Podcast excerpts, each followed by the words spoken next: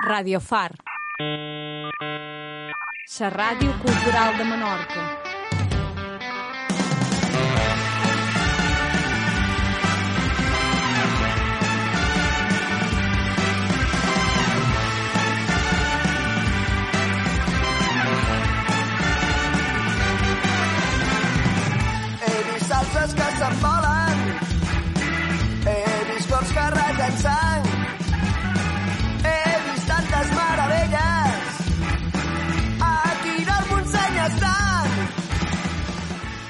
Benvingudes oients de Ràdio Far. Aquest és el programa Càpsules d'Art i jo sóc en Cristòfol Pons. Avui ratllarem dels anglesos King Moop, una banda que sorgeix a Newcastle entre el 1967 i el 1968 i que posteriorment tindrà la seva seu a Londres, Nothing Hill. Sense ser,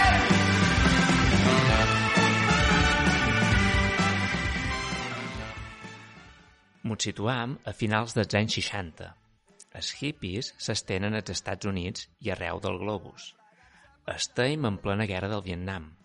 El rock s'estén per tot el món com una religió, en principi alliber- alliberadora pels joves.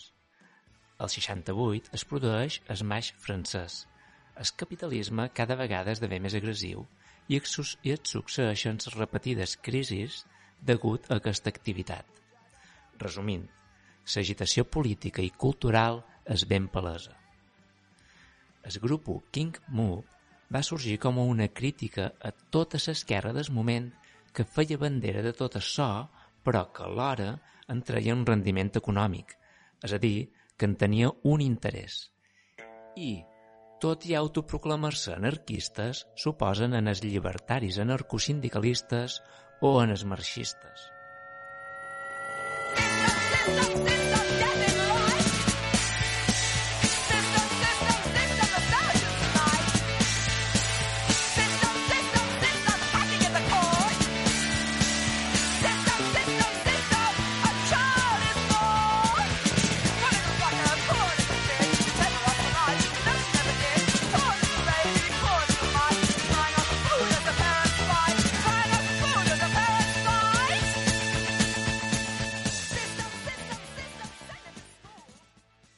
Sa banda, pel grup, el treball era una cosa a abolir absolutament, ja que era seina de l'imperialisme capitalista. Declararan que la revolució proletària serà una festa o no serà res. Expressen la seva admiració per les avantguàrdies art- artístiques, sobretot els primers surrealistes i els dadaistes alemanys. I, evidentment, suposen a l'art i a la cultura burgesa. Una de les principals característiques del grup era la clara oposició a la pacificació d'una societat que promovia les desigualtats i les guerres. Per tant, suposen clarament en el flower power dels hippies i els beatniks. La lluita, per ells, havia de ser radical i també violenta i havia de rompre absolutament amb el conservadorisme. S'ha de dir que resumir tota l'activitat, no només del King Move, sinó de tota l'escena underground d'Anglaterra dels anys 60 i 70, és una feina apoteòsica, ja que l'activitat que es va donar en tots els sentits, musicals, com per exemple els The Who i les seues guitarres contra els amplificadors, la poesia, la política, els mots, els skinheads, els hippies, el moviment negre, eh, les nombroses revistes publicades, les revoltes d'estudiants, les insurreccions urbanes com les de Detroit i un llarguíssim etc. és abrumadora.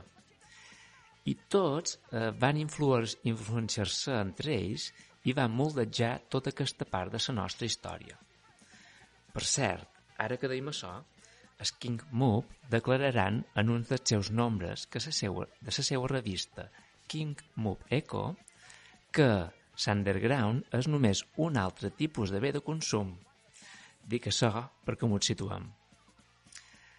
A part de la seva revista, com la que acabem de dir, van distribuir centenars de flyers i van participar en un munt de publicacions.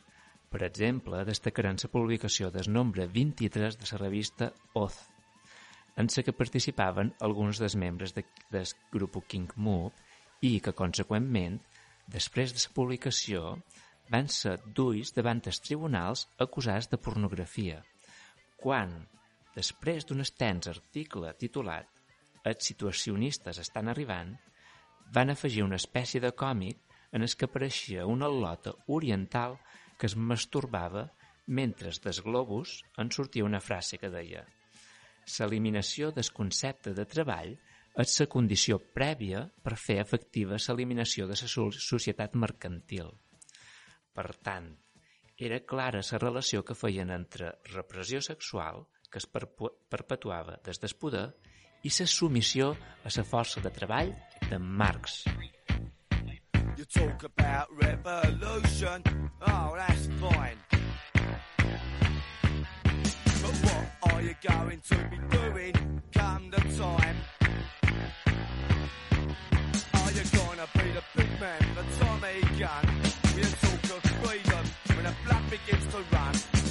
has no value, if violence is the price. I want your revolution, I want anarchy and peace. You talk about fight power, you violence takes your soul. You speak of liberation, and when the people rule, well ain't these people rule right now with villains for their faith. Just another set of spinners, their rifles touch on me. El grup va ser una espècie de mutació dels situacionistes francesos que s'afinquen a Anglaterra. Bàsicament, a partir de les figures com Chris Gray, que posteriorment serà expulsat per Guy Debord i els situacionistes francesos, com ja van comentar en el nombre anterior de les càpsules d'art, però el King Mook no només es fraguen a partir dels situacionistes anglesos expulsats, sinó per tota una escena anglesa absolutament en desacord amb el sistema imperant. El 1967, Dave Wife, Ayn Ryder i John Hunt, tots tres membres fundadors de la banda, viatgen a Nova York i conviuran uns mesos amb Ben Morea i els Motherfuckers, que van xerrar en el capítol anterior, i fins i tot participaran en les seues accions. Aquesta visita els marcarà totalment. L'estil Black Mask i les seues companyes en contra de l'art i els museus forjaran el que després serà l'estil de King Moop.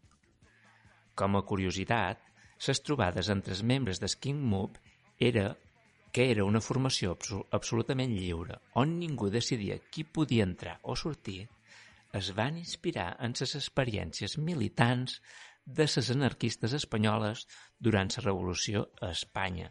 Això és els anys anteriors al 1936 i que, posteriorment, culminen en la Guerra Civil i la Revolució dels anarquistes que es va donar, que es va donar durant tota aquella època.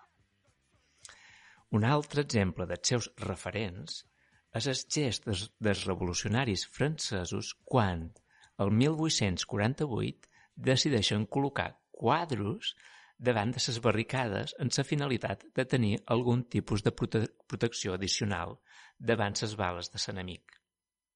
Aquesta és molt bona. En tot això, darrerament, darrerament hem de dir que queda clar que els King Mook declaraven la destrucció automàtica de totes les obres d'art. Sart està mort i les artistes estan mortes, van declarar. Per ells, era de vital importància treure en el carrer tota la filosofia i l'art, destruir els museus i els espais institucionals i dur-art a l'espai públic. Allò que avui entenem com art popular deriva de la idea d'art pop de la cultura de masses i de l'assimilació de l'estètica popular per part de la indústria cultural. Per a elles no era altra cosa que la capitalització de l'art i la cultura tot aquest fet. Per aquest motiu, Andy Warhol es va convertir en una estrella mediàtica a l'estil de les estrelles de rock. Al cap i, al cap i a la fi, es tractava, es tractava d'entretenir les classes altes amb els objectes i les accions estrafolàries que els duen, eh, que els duen l'estrella eh, cultural de torn. Els King Moop subratllaven que no, no s'estava realment qüestionant el sistema jeràrquic de la societat, sinó que se l'estava potenciant. Seguint amb aquesta línia, hem de tenir absolutament en compte que el grup King Moop són els qui després donaran peu en el punk dels anys 70. Són, entre altres, els seus precursors a Anglaterra. Per posar un exemple, els King Move van fer ús d'imatges i frases d'assassins en sèrie com en Jack l'esbudellador. Ho feien servir com a mètode d'antipublicitat, pel simple fet de generar un escàndol. Una dècada després, el moviment punk faria el mateix en l'imaginari nazi. Suposen, s'enfrenten a tot el sistema educatiu. La seva finalitat és destruir-la. Diran, som aquells qui perverteixen els vostres fills. Som aquells qui els condueixen a perdre les lliçons que vosaltres els heu mostrat. Està imposant en perill la civilització.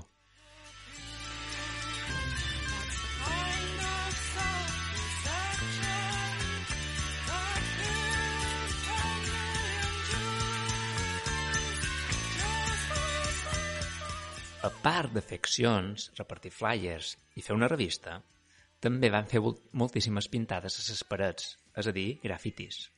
Per exemple, durant una manifestació en contra de la guerra de Vietnam el, 1860, el 1968, a Londres, fan una pintada en la que es pot llegir All you need is dynamite. Tot el que necessites és dinamita. Evidentment, es tret de la cançó dels Beatles, All you need is love, S'ironia es podia atar amb un guinevet. En una altra pintada es podia llegir la frase de William Blake El camí de l'accés condueix al Palau de la Sabidoria. Un altre graf grafiti que es podia llegir entre dues estacions de Londres mentre anaves en metro, mirant per la finestra, resava ops cometes, perquè és un poc llarg. Ses mateixes coses un dia i un altre. Metro, feina, sopar, feina, sofà, tele, dormir, metro, feina. Com més pots engullir? Una de cada cinc sofreix un col·lapse nerviós. Tant cometes. No sé vosaltres, però això a jo me recorda Transpotting. I ja que fèiem referència a la pel·lícula, tornem a lo mateix d'abans, l'assimilació per part del sistema d'allò que s'hi oposa. Nothing's changed for all the death that their ideas created. It's just the same fascistic games, but the rules aren't clearly stated.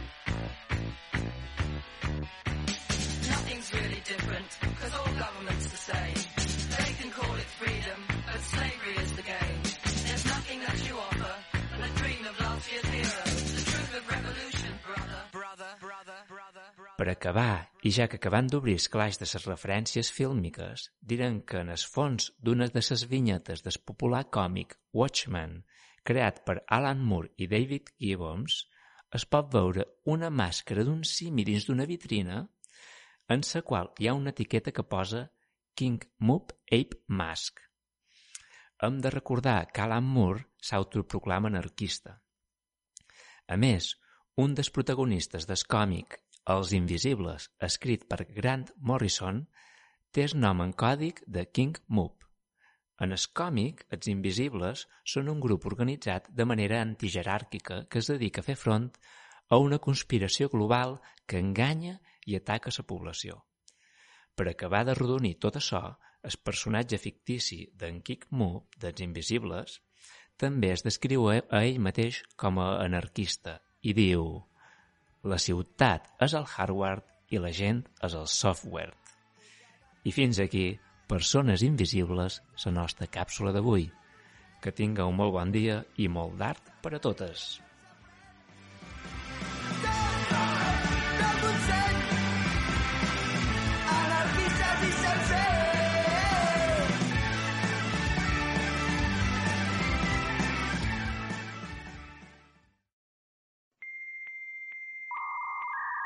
Radio Far. La ràdio cultural de Menorca.